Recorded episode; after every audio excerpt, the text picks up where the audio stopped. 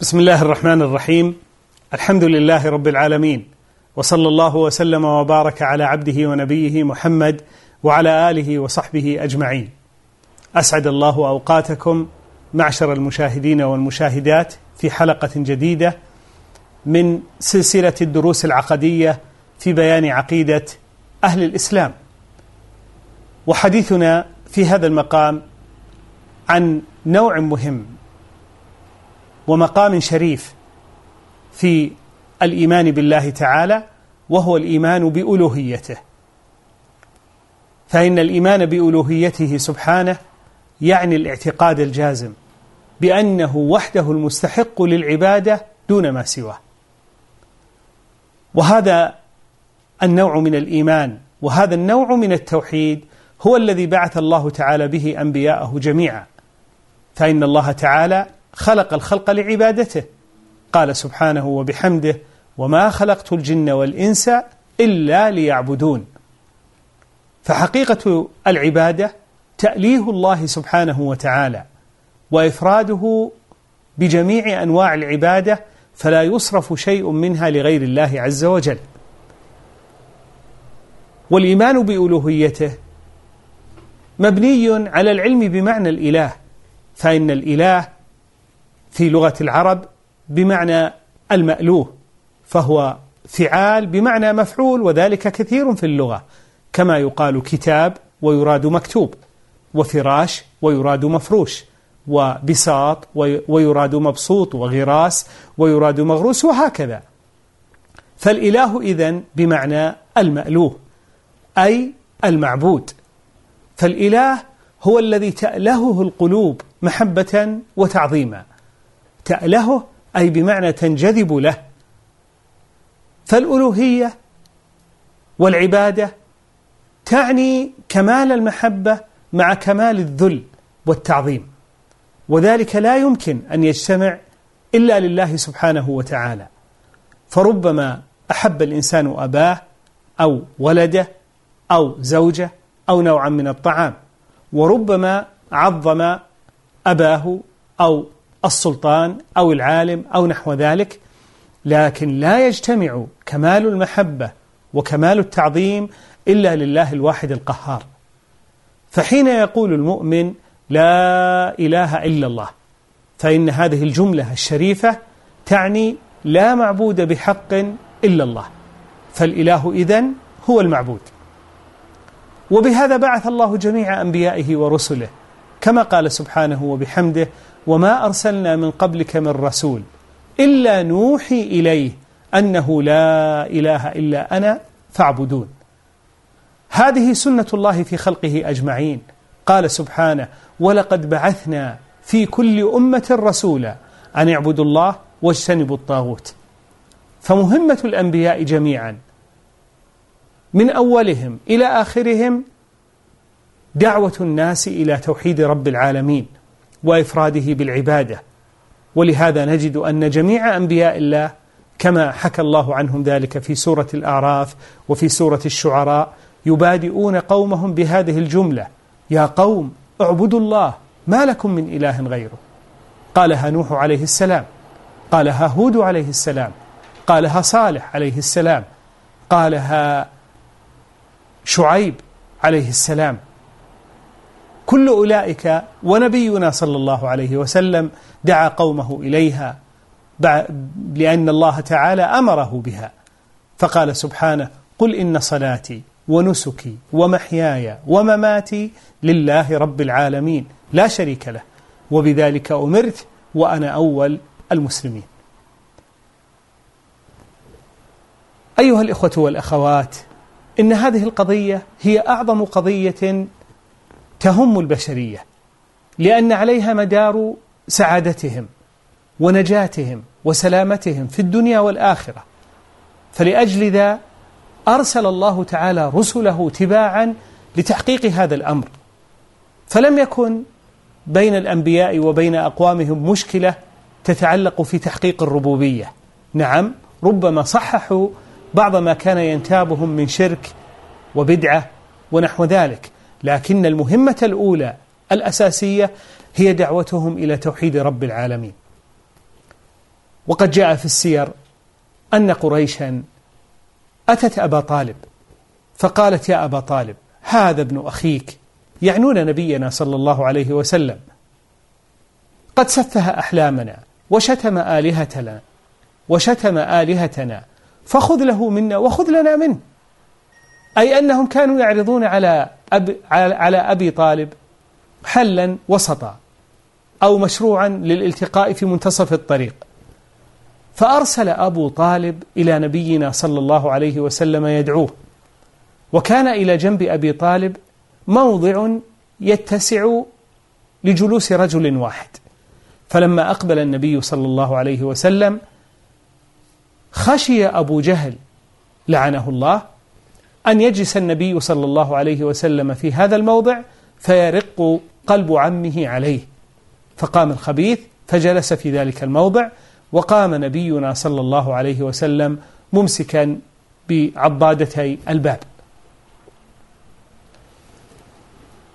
ثم إن أبا طالب خاطب نبينا صلى الله عليه وسلم وقال يا ابن أخي هؤلاء قومك قد أتوني وقالوا خذ لنا من ابن أخيك وخذ له منا.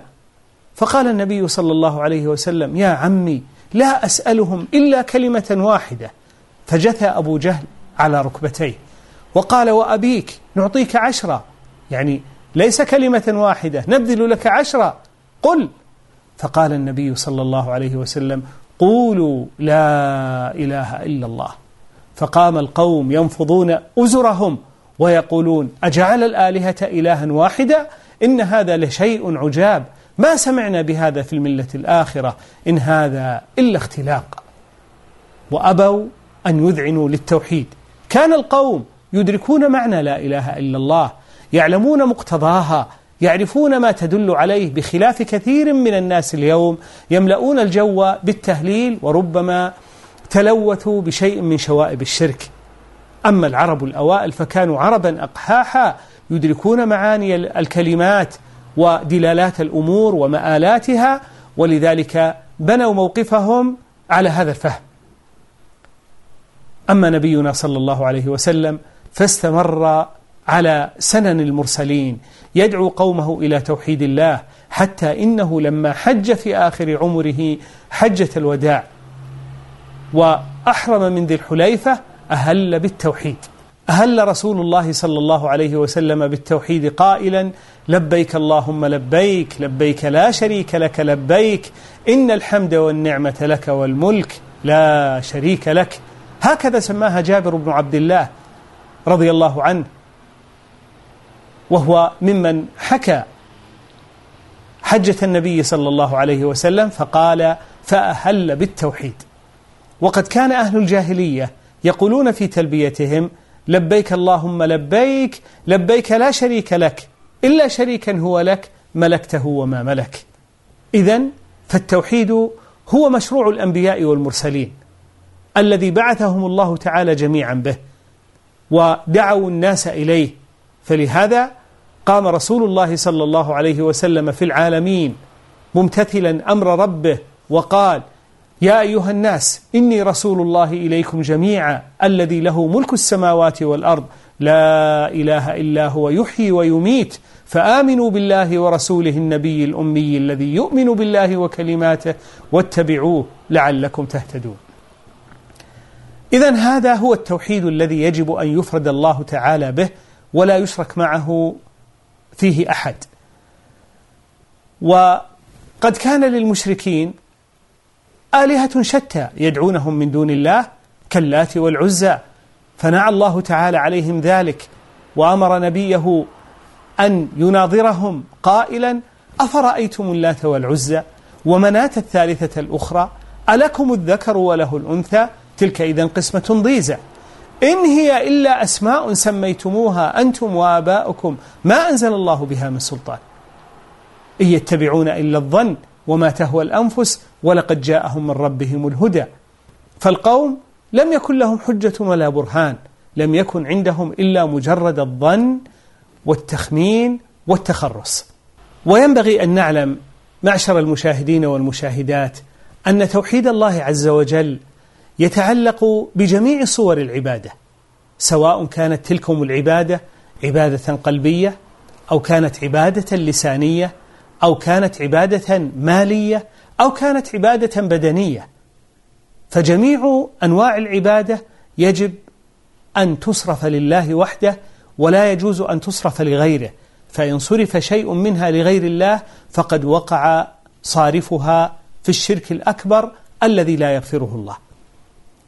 وأشرف أنواع العبادات على الإطلاق هي العبادات القلبية وأمهاتها ثلاث المحبة والخوف والرجاء. فهذه الثلاث يجب أن يوحد الله تعالى بها. قال الله عز وجل ومن الناس من يتخذ من دون الله أندادا يحبونهم كحب الله والذين آمنوا أشد حبا لله. وقال نبينا صلى الله عليه وسلم أحب الله من كل قلوبكم. فيجب على المؤمن أن يفرد الله تعالى بمحبة السر وهي المحبة التي لا تنبغي إلا لله عز وجل. أيضا يجب على المؤمن أن يوحد الله تعالى بعبادة الخوف كما قال سبحانه فلا تخافوهم وخافوني إن كنتم مؤمنين. فلا يحل أن يخاف من غير الله فيما لا يقدر عليه إلا الله. ويجب أن يوحد الله تعالى بعبادة الرجاء فلا يرجو غير الله فيما لا يقدر عليه إلا الله. قال سبحانه وتعالى فمن كان يرجو لقاء ربه فليعمل عملا صالحا ولا يشرك بعبادة ربه أحدا. هذه الثلاث معشر المشاهدين والمشاهدات هن أمهات العبادات القلبية التي إذا قامت في القلب صلح القلب. وقد أخبر نبينا صلى الله عليه وسلم أن في الجسد مضغة إذا صلحت صلح الجسد كله وإذا فسدت فسد الجسد كله ألا وهي القلب. رواه البخاري. وقد شبه بعض أهل العلم هذه الثلاث بمثال جميل فقال المحبة مثلها مثل جسم الطائر والخوف والرجاء مثل جناحيه فلا يستقيم الطيران إلى الله والسير إليه إلا بهذه الثلاث. وصورها بعضهم بصورة أخرى فقال المحبة بمنزلة المركبة التي يستقلها الراكب والرجاء يقودها والخوف يمنعها من الحيدة يمنة ويسرة وأفضل وأشرف هذه الثلاثة هي المحبة وذلك أن الخوف يذهب والرجاء والرجاء ينقطع حينما يصل الإنسان إلى مقصوده حينما يبلغ المؤمن جنة ربه ورضوانه فلا خوف عليهم ولا هم يحزنون. أما المحبة فإنها تبقى ولا تنقطع بل إنها تعظم عندما يبلغ المؤمن لقاء ربه. ومن من العبادات التي يفرد الله تعالى بها العبادات اللسانية. فيجب على المؤمن أن يفرد الله تعالى بالدعاء وبالذكر وبالاستعاذة فلا يدعو غير الله. وأن المساجد لله فلا تدعو مع الله أحدا. وقال سبحانه وأنه كان رجال من الإنس يعوذون برجال من الجن فزادوهم رهقا. إذ كانوا إذا نزلوا منزلا في الجاهلية يقول قائلهم أعوذ بسيد هذا الوادي من سفهاء قومه. فأمر الله تعالى بإفراد الدعاء والاستعاذة وغيرها من العبادات اللسانية له وحده. كذلك هم العبادات المالية.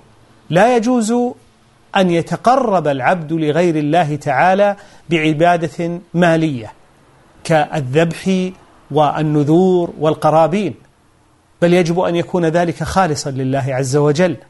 قال الله سبحانه وتعالى فصل لربك وانحر فالنحر عبادة مالية.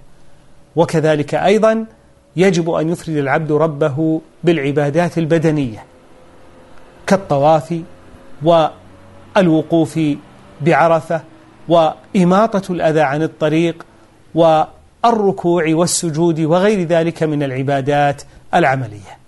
فبهذا يتحقق توحيد رب العالمين في جميع أمور الحياة ويصدق على المؤمن قوله تعالى إن صلاتي ونسكي ومحياي ومماتي لله رب العالمين والحمد لله رب العالمين.